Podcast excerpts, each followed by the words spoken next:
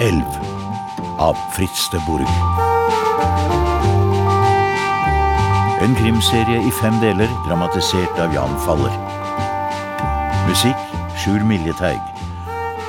Lyddesign Arne Barka. Regi Steinar Bertelsen. I rollen som Nicolai Wolff Mats Austdal. Tredje del En hemmelig verden.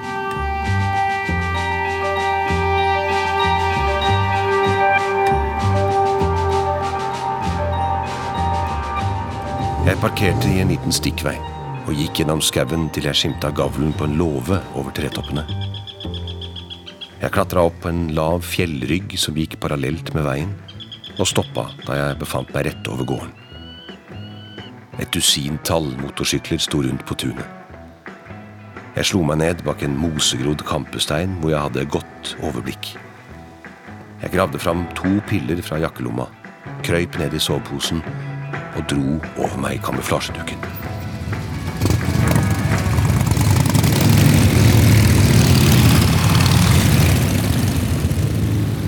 Jeg våkna av et drønn fra motorsykler som forlot gårdsplassen under meg. Ulvehiet var tomt, og med brekkjernet i hånda gikk jeg ned for å sette mine planer ut i livet.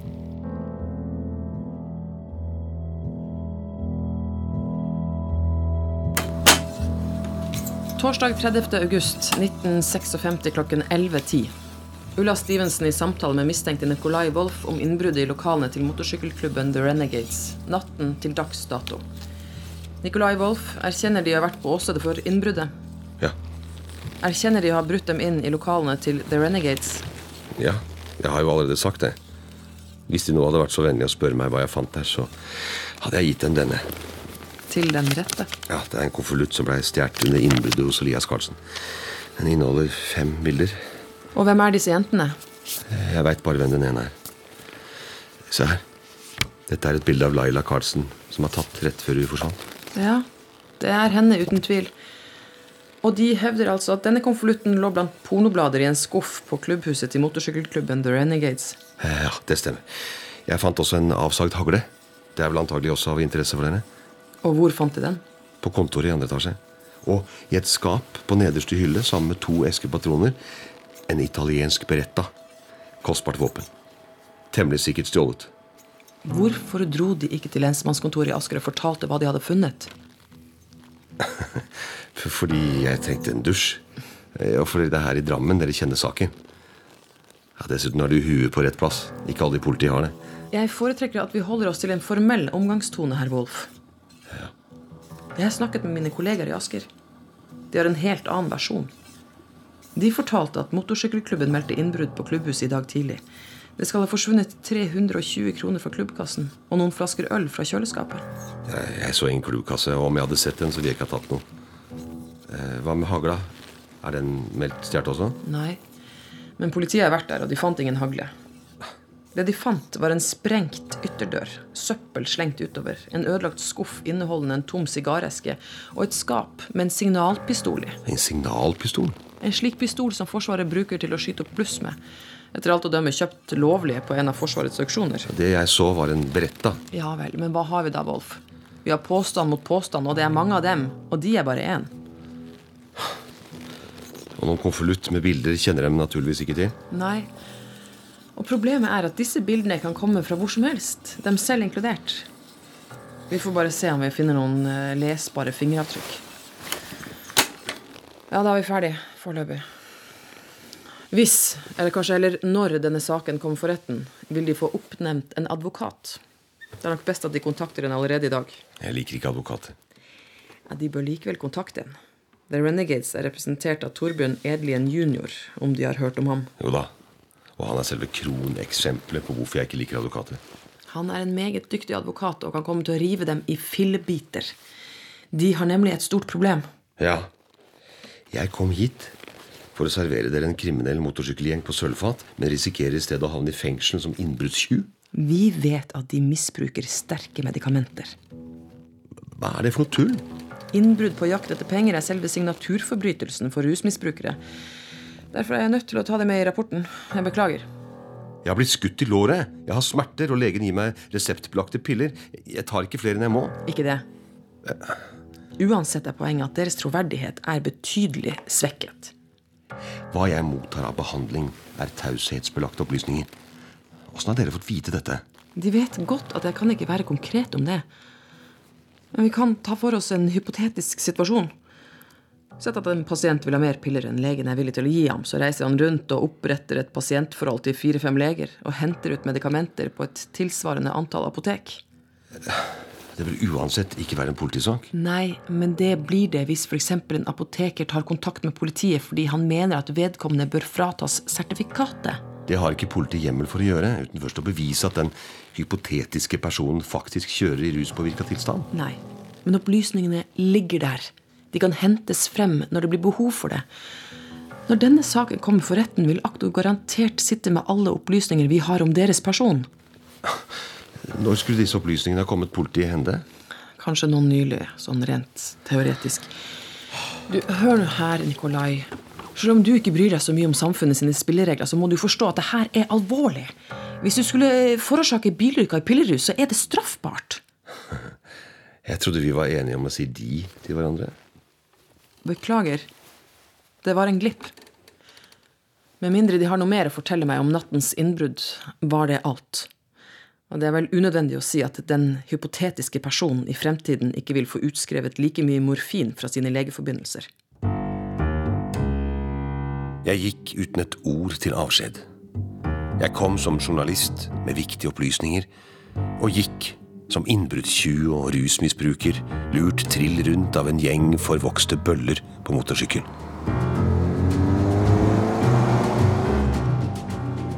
Det første jeg gjorde da jeg kom hjem, var å sjekke pillebeholdningen. Jeg har tviholdt på en illusjon om at dette var en personlig sak, og at ingen merka noe.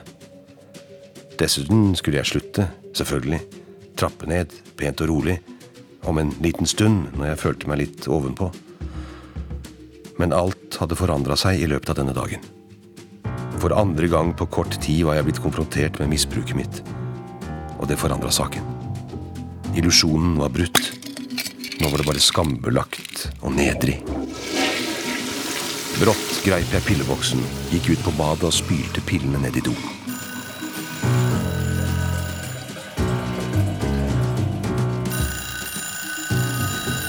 Klokka på stuebordet viste halv fire da jeg ble vekt av en tung søvn.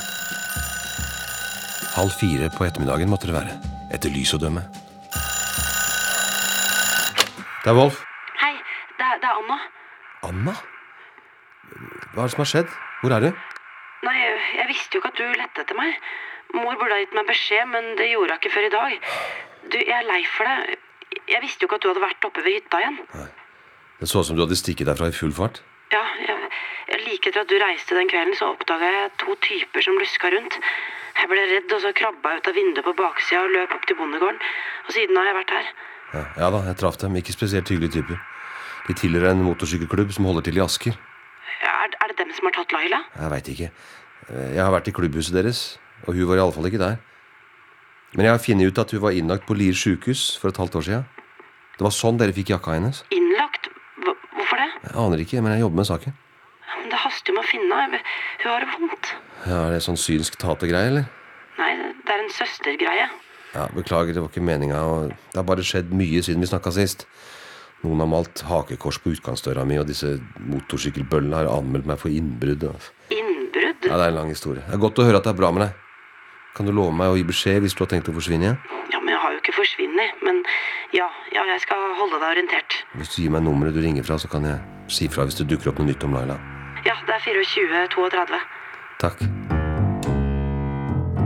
Jeg satte meg ved skrivebordet igjen, tok fram lista over dem som hadde mottatt brevet fra Elias Carlsen, haket av navnene jeg hadde klart å plassere, og valgte ett som sto igjen. Edvard Ulriksen, leder for organisasjonen Norsk misjon blant hjemløse. Kom hit. Nikolai. Mitt navn er Nikolai Wolff. Jeg er journalist. Eh, Edvard Ulriksen. Er De fra Drammens Tidende? Nei, jeg er frilans. Ja, hvem skriver de for? Eh, Akkurat nå jobber jeg med en artikkel for et ukeblad. Å ja, ja, ja, fra familien, ja, kanskje. Nei, ja, de får bare sette dem ned. Ja, hva kan jeg hjelpe dem med, herr Wolf? Jo, jeg eh, jobber med en artikkel om taterne. Og har noen spørsmål om norsk misjon blant hjemløse. Hva dere konkret gjør for dem. Ja, hvor skal jeg begynne? Vi gjør da så mye, og ikke minst for barna. Dere har blitt kritisert for å frata unge kvinner barna deres og plassere dem på barnehjem.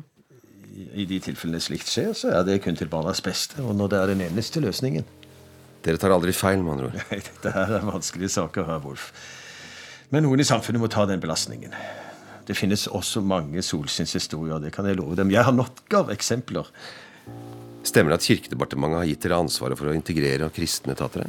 Vi jobber ikke bare med taterne, men med alle slags omstreifere. De kan si at vi hjelper de ulykkelige menneskene på nederste trinn av samfunnets rangstige. Hender det at dere bringer noen av disse ulykkelige menneskene til Lier sykehus? Hvis vi kommer i kontakt med syke mennesker, så kan det hende at vi hjelper dem til behandling, ja. Kjenner en taterfamilie ved navn Karlsen? Vi er bundet av taushetsplikt, så det kan jeg nok ikke kommentere. Elias Karlsen sendte dem et brev mandag formiddag, en drøy time før han sprengte seg selv i lufta med dynamitt. Var det det han het? Det var en forferdelig tragedie. Hvorfor sendte han det brevet til dem? Det har jeg også spurt meg selv om, men det aner jeg virkelig ikke. Hva med Laila Karlsen? Vil de finne det navnet hvis de kikker i det fine arkivskapet deres, tror de? Dette har de ikke noe med. Jeg har allerede forklart dem at jeg har taushetsplikt. Hvilket blad var det de skriver for, sa de? Det sa jeg ikke. Men det heter Krimmagasinet. Laila Karlsen har også gått under navnet Martha. Ringer en av. Krimmagasinet, hva er dette for noe? Hvorfor spør de om alt Spiller dette? det noen rolle hvilket blad jeg skriver for, eller hvorfor jeg spør? Ja, det gjør det. Jeg føler at de har kommet hit under falske forutsetninger. Dette intervjuet er over. Jeg vil nekte dem å bruke det. Adjø, herr Wolf.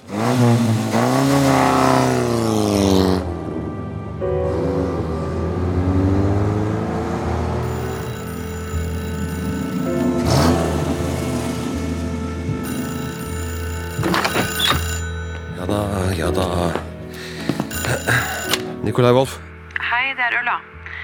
Vi må prate. Om hva da? Eh, ikke nå. Jeg går og vakt om en time. Kan du møte meg ved Gyldenløves plass? Er vi dus nå? Eh, Var det ikke det du ville? Jo, jeg bare lurte på om det var noen baktanker. Jeg er en ordentlig gutt, vet du. Ikke få meg til å angre nå. Kommer du? Ja, selvfølgelig.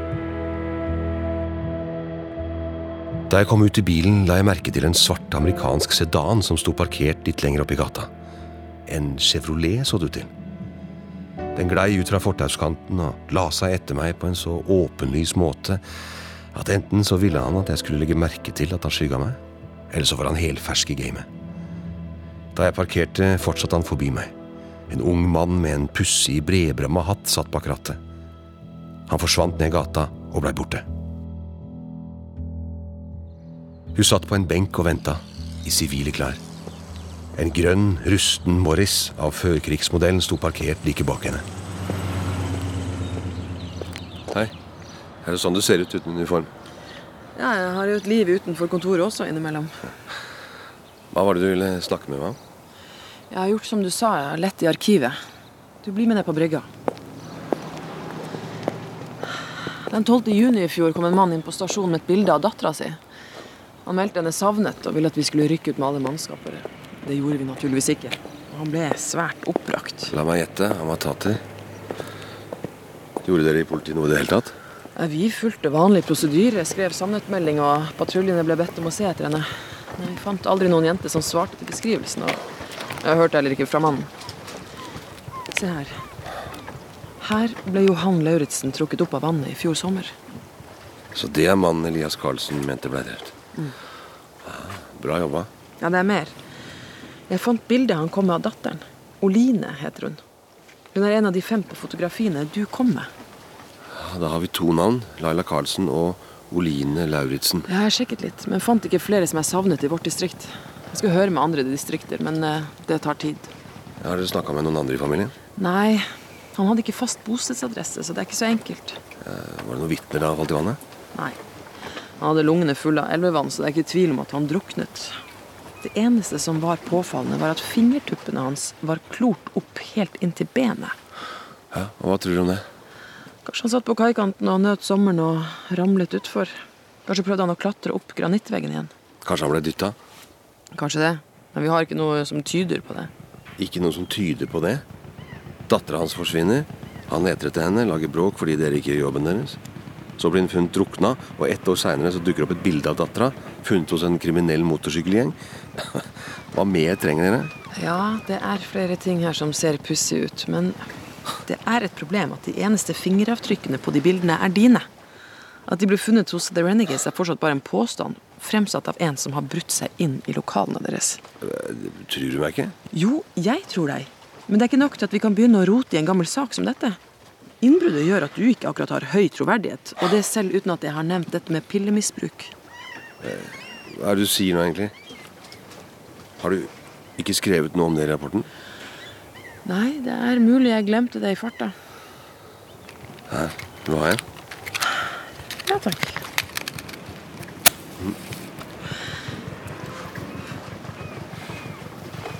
Skal vi gå tilbake?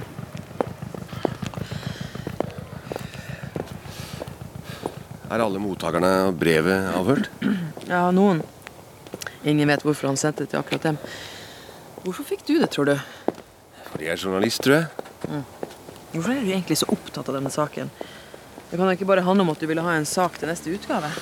Jeg har vel blitt litt personlig etter at jeg ble angrepet av de to typene. Dessuten så har jeg vondt av fru Karlsen og Anna. De mener at dere ikke har gjort jobben deres, så jeg forstår hva de mener. Ja, du, det har jeg fått med meg. Har vel ikke gjort jobben min, jeg heller. Elias Karlsen mente iallfall at jeg var medskyldig i at han tok livet sitt. Det vil ikke si at du føler kollektiv skyld på vegne av yrkesstanden. Det hadde jeg ærlig talt ikke trodd om deg. Tok en dresen feil? Kanskje du ikke bare er en anarkist som gir blaffen i normer og regler, men at du faktisk har en slags yrkesetikk også? Ja, en slags. En gang iblant så tar jeg den fram og polerer den. Mener du at manglende yrkesetikk er et særtrekk for journalister? I forhold til hva? Politi? Oi, så hårsåre vi er. Det har ikke vært noen god dag. Nei, unnskyld, jeg vet jo det. Nei, det er vel på tide å komme seg hjem og få seg middag, kanskje. Eh, Har du privattelefon i tilfelle Ja, jeg trenger å komme i kontakt med deg sånn utenfor arbeidstid? Jeg har tjenestetelefon. Jeg har visittkort i bilen. Skal vi se Her. Takk. Ikke ring hvis ikke det er viktig. Jeg prøver å holde jobb og fritid atskilt. Er det vanskelig? Nei, ikke hittil i hvert fall. Farvel. Farvel.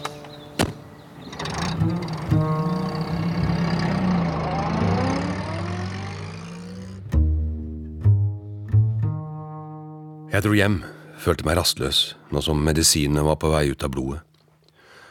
Forsøkte å jobbe, men det gikk dårlig, så jeg satte meg i lenestolen med en øl. Der blei jeg sittende og se på at skumringen langsomt blei til natt.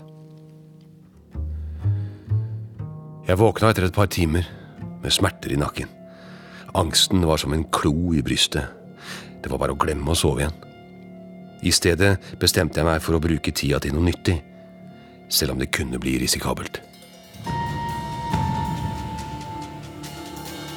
Med batterilykta i lomma og brekkjernet under jakka gikk jeg ned til kontoret til Misjonen for hjemløse. Jeg knuste et vindu i bakgården med brekkjernet og sto stille og lytta. Ingenting skjedde. Vinduet var lite og høyt oppe på veggen, men ikke verre enn at jeg klarte å krabbe gjennom. Døra til Ulriksens kontor var låst, men brekkjernet dirka han opp på få sekunder. Arkivskapet var ikke låst. Og jeg fant det jeg lette etter med en gang. Martha Larsen, alder ca. 20 år, funnet hjelpeløs på gata, liggende i veibanen, framstår som psykotisk og ute av stand til å ta vare på seg sjæl, overlatt til behandling på Lier psykiatriske sykehus. Resten av natta forsøkte jeg la være å tenke på morfin. Etter at Laila ble utskrevet fra Lier, ble hun fulgt opp som dagpasient, sto det på arket jeg hadde fått tak i. Da måtte de ha en adresse å sende henne til.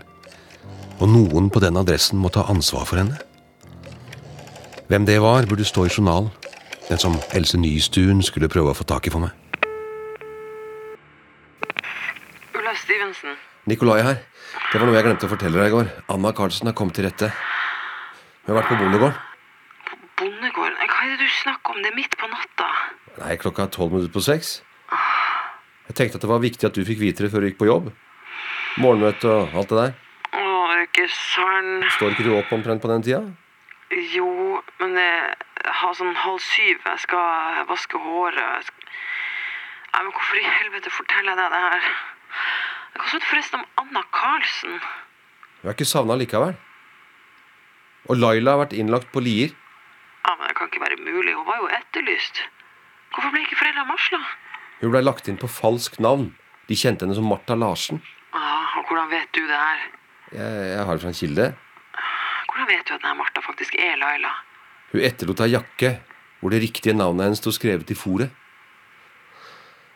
Ja, er ikke dette et viktig spor å følge opp? Jo, skal vurdere det hvis jeg kan få lov til å våkne i fred. Du, hva driver du egentlig med om netteren?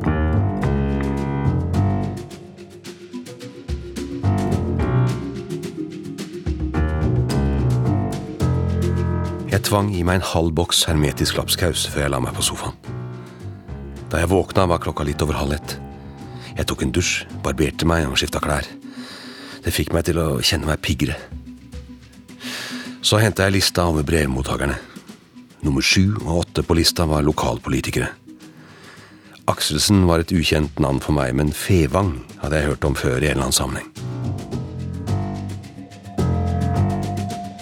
Han bodde på Grønland, i et klassisk arbeiderstrøk. Leiegården var malt i en blass og ubestemmelig brunfarge, som om det ved et uhell var blanda for mye gult i malinga.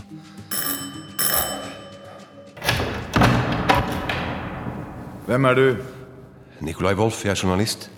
Journalist? Du, jeg er ute av politikken, og det er ikke mer dritt å grave opp om meg. Vent, vent, det gjelder ikke dem, det gjelder Elias Carlsen. Elias Carlsen? Jaså? Ja ja, du får vel komme inn, da. Det er kopp i skapet hvis du vil ha kaffe. Den er fremdeles varm, tror jeg. Ja takk. Vil du ha en skvett med blankt oppi? Eh, nei takk, jeg kjører. Ja, det slipper jeg å tenke på. De eh, Ja, de vet at han er død. Ja, det er jævlig greier. De fikk et brev fra ham. Du, i mitt hjem så sier vi du til hverandre. Pass meg bra. Han sendte brev til 15 stykker, deriblant meg. Jeg har prata med flere av dem, men ingen kan fortelle meg hvorfor de fikk brevet. Veit du hvorfor du fikk brevet? Han ba meg om hjelp. Det har vel med det å gjøre. Jeg kunne ha gjort noe med problemet hans en gang i tida under krigen, men nå var det for seint. Under krigen, hva mener du? Hva gjorde du i de fem bedritne åra, Wolf? Var du en av oss, eller var du en av dem? Jeg var på sjøen til slutten av 44. Da verva jeg meg i England, men jeg rakk ikke å komme i kamp før krigen var over. Se det, ja. Krigsseiler. På Murmansk. Ja, der også. Hatten av for deg, kamerat. Du, den derre konvoifarta redda Sovjet. Som igjen redda hele den fordømte krigen for oss. Skål. Skål. Og takk. Og nå, nå er du journalist. Du, Jeg må innrømme at jeg har et litt anstrengt forhold til sånne. Som sagt så er det ikke deg jeg er interessert i. Det gjelder Elias Carlsen. Kjente du ham? Nei, jeg prata bare med ham én gang for omtrent et halvt år sia. Han banka på døra mi her seint en kveld. Ville prate om asylet. Ja, eller Lier psykiatriske, som det heter. Ja, men Hvorfor kom han til deg? Hva har du med Lier å gjøre? Veit du ikke det? Du som er journalist? Trodde hele byen visste at jeg dreit meg ut den gangen. Nei, jeg har nok med feil for egen dør. Ja, du, Om alle hadde vært mer opptatt av sine egne dører, så ville verden vært et bedre sted. Men eh, hvorfor kom han til deg? Fordi han hadde fått med seg det som skjedde i 52. Jeg, jeg satt i bystyret, og så en dag vet du, så ble jeg så inn i helvetes forbanna. Jeg mista huet fullstendig. Det blei et jævla rabalder. Og en stund etterpå så ble jeg tvangsinnlagt. Jeg blei låst inne i en verden som styres av folk som veit mer enn Gud. Kan du tenke deg åssen det er? Hver eneste dag i et drøyt år så var jeg livredd for å bli lobotomert. Ja. Og så, ja. Så kom du ut. Og en kveld for et halvt år siden så banka Elias Carlsen på døra. Ja, jeg kom ut med vettet i behold. og da lagde jeg litt bråk. Ja, jeg var dum nok til å tro at jeg kunne få gjort noe med den dritten. Elias Carlsen kom til deg fordi han visste at du hadde vært der. Ja, han visste at dattera hans hadde vært tvangsinnlagt. Men det nekta dem for. Han ville at jeg skulle prøve å få ut opplysninger om jenta. Trodde jeg fortsatt hadde kontakter. Ja, det kan du tru, sa jeg til henne. Det er ikke en jævla kødd i det bystyret som husker at han noen gang har kjent meg. Jeg tror hun var innlagt under falsk navn. Ja, du, ingenting ved det stedet forundrer meg. Hva mente du med at du lagde bråk etter at du kom ut? Det er jo pill råttent der ute. Hele ledelsen må skiftes ut. Jeg prøvde å ta det opp politisk, men ingen, absolutt ingen ville høre på. Men da gikk jeg til avisa, Og de ble interessert. Drammens Tidende? Ja, ja. Ja, jeg har en venn som jobber der. Arild Ryberg, var det han? Nei, du, eh, nei, nei, det var ikke han. det. Han het Borgersen. Ålreit fyr. Han gravde opp en masse dritt. Men veit du hva som skjedde? Han blei knebla. Sjefen der borte, redaktøren, han stoppa hele dritten. Hvorfor? Jeg veit ikke. Men det ble ikke trøkka et ord. Det der er et vepsebol, Wolf. Ta en prat med Borgersen før du stikker huet inn. Ja, jeg er journalist, og vi er ment å være valpebikkjer. Skulle ønske jeg kunne hjelpe deg. Men eh, jeg er ikke som før. Kamplysten har gått ut av meg.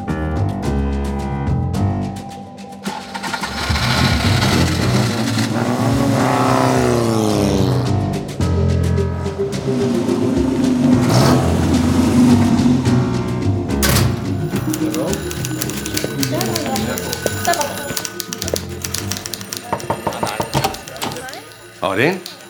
Har du tid et øyeblikk? Nick, kom inn. Blei det noe eh, dykking på deg? Ja da. Jeg, jeg må snakke med en kollega av deg. Borgersen. Ja vel? Han jobba med en sak om Lier psykiatriske for et par år siden. Kjenner du til det? Ja, absolutt. Hvorfor er du så interessert i det? Ja, Det er noe jeg har kommet borti. Jeg har snakka med Ivan Fevang. Fevang? Ja. Hm.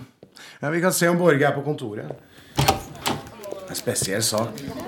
Han mente han hadde noe virkelig stort, men så ble hele greia lagt død. Han ble dritforbanna og holdt på å slutte. Borge, jeg har en kompis her som vil eh, snakke litt med deg. Hei, hei sann! Er det sjølveste Nicolai Wolff? Ja, en sjelden mann å se. Hva gjelder det? Det er Lier. Han har snakka med Fevang. Lier. Jaha. Ja, da tror jeg vi skal lukke døra. Ja, åssen går det med den eh, gamle marxisten? Var han eh, edru, eller? Nei, ikke helt. Han er litt tørst, men uh, er egentlig en bra kar. Sett dere. Så du har uh, snakka med han om Lie? Ja, han uh, mente jeg burde ta en prat med deg før jeg stikker huet inn i vepsebolet, som han sa. Ja, det der er et vepsebol. Jeg skjønte det etter hvert. Ja. Da jeg hørte om dette her første gangen, så Nei, Han har jo en ganske fargerik fortid, så jeg, nei, jeg visste ikke hva jeg skulle tro. Han er farverik. Ja, Hvor skal vi begynne, Borge? Han var jo motstandsmann under krigen. Ja, det var det mange som var. Ja, men han var eh, kommunist. Så de, de gjorde de rette tinga, men av feil grunner. Eh, Krigsinnsatsen deres har aldri blitt skikkelig verdsatt, og det er han eh, bitter over. Med god grunn, vil jeg si. Det er vel kanskje derfor han er så krass og sinna. Ja, Toppa seg da han banka opp han høyremannen i bystyresalen. Var det det som skjedde? Ja, Han ble anmeldt, så klart. Han ga seg ikke av den grunn. Hadde vært i sin fulle rett, mente han. Så en vakker dag så kom mennene i hvite frakker og henta han. Og da han fortalte hva han hadde sett og opplevd på Lier Ja, jeg visste som sagt ikke hva jeg skulle tro. Men det er jo et svært sykehus. Det er 600 senger og omtrent eh, tre ganger så mange ansatte. Det er en hel liten by bak høye gjerder som vi veit lite om. Så jeg bestemte meg for å bruke litt tid på det og se hva jeg fant. Ja, hva fant du? Det var lite til å begynne med, men så fikk jeg en kontakt på innsida. På lukka avdeling. Og det dette handler om, Nikolai, det er jakten på nye molekyler som kan påvirke hjernen vår. Det er eh, enorme summer å tjene på å finne noe som hemmer angst, eh, smerte eller traumatiske minner. Kunne trenge det sjæl av og til. Ja, det kunne du så absolutt. Men det er bare det at denne jakta har blitt et kynisk rotterace. Som drives av en industri som er eh, villig til å gå over lik. Men et sted må det være ei etisk og moralsk grense som, som man ikke trår over. Denne grensa den fins ikke i samarbeidet mellom Lier og Farmex. Farmex? Ja, En legemiddelgigant som har et bortgjemt laboratorium her i Drammen. Kan tenke deg hva de driver med der? Ja, Lager medisiner, vil jeg tro. Nei, feil. Moderselskapet i Belgia lager medisiner. Her i Drammen så koker de sammen nye medikamenter. Og det de koker sammen, det må før eller siden prøves på mennesker. Og det er der Lier kommer inn. Er ikke det vanlig? Medisiner må jo testes. Tenk deg om, Nikolai. De som er på lukka avdeling, det er mennesker som ikke har snøring på hva de får i seg. Det er bare å pumpe det full av all slags dritt, lene seg tilbake, se på resultatet. Det kilden fortalte, det er at pasienter på Lier dør av dette. Men det må vel bli lagt merke til? Nei, tenk, Nikolai, tenk. Det er høy dødelighet blant sinnslidende. Det blir ingen obduksjon. Ingen spør hvorfor noen dør, og de pårørende, tror du de stiller spørsmål?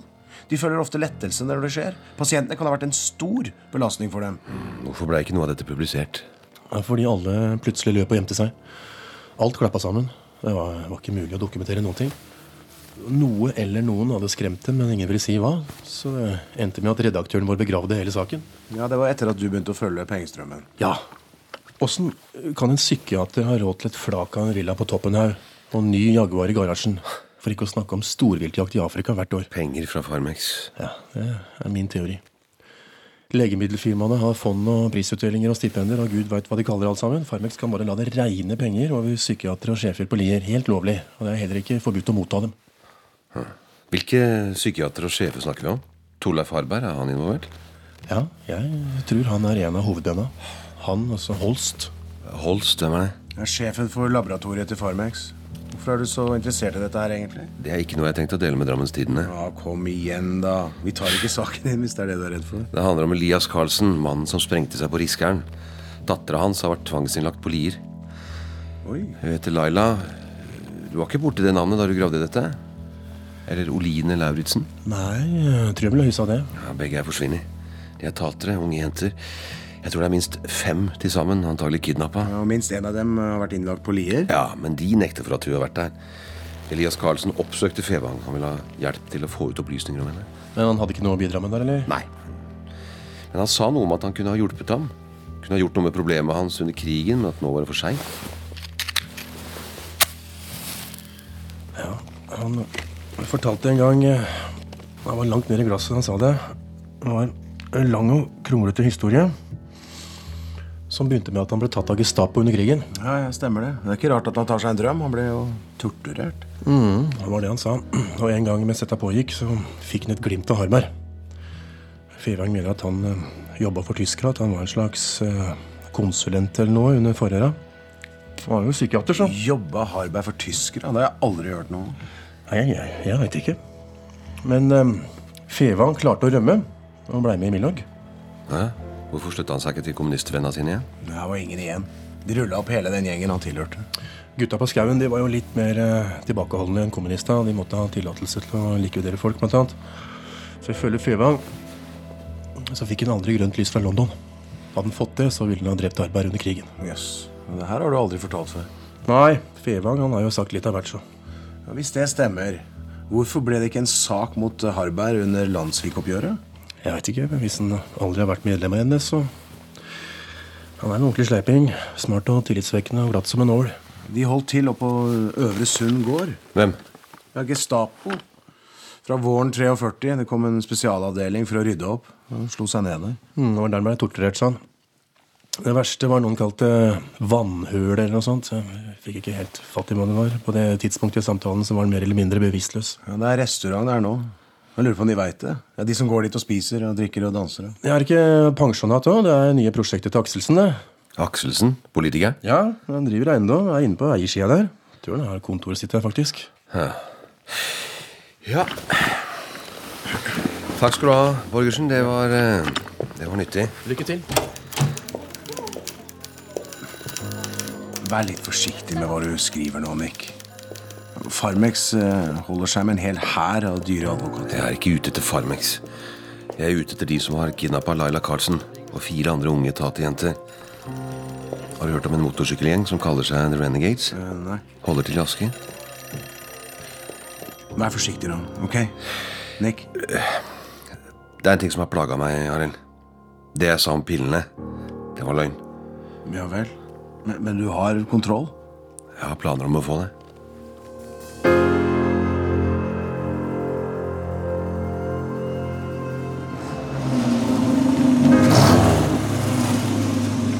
På veien hjem dukka Chevroleten opp igjen. Mer diskré denne gangen, litt lenger bak. Jeg gikk inn i huset og ut bakdøra og titta fram rundt hjørnet. Han hadde stoppa under kastanjetreet i svingen. Jeg gikk bak huset igjen. Klatra over gjerdet og gikk gjennom to hager og kom ut i Spinnerigata. Gjennom bakvinduet så jeg silhuetten av den bredbremma hatten. Jeg gikk raskt opp på sida av bilen. Reiv opp døra på passasjersida og heiv meg inn.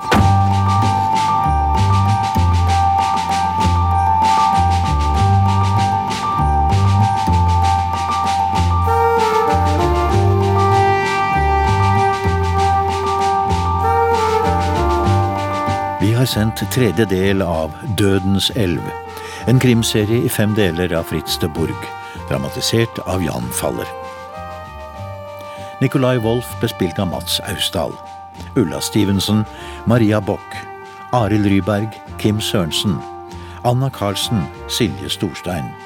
Borgersen, Jan Gunnar Røise. Edvard Ulriksen, Johannes Joner. Og Ivan Fevang, Ingar Helge Gimle. Dramaturg Else Barrat Due. Produsent Hege Katrine Bech Stabel.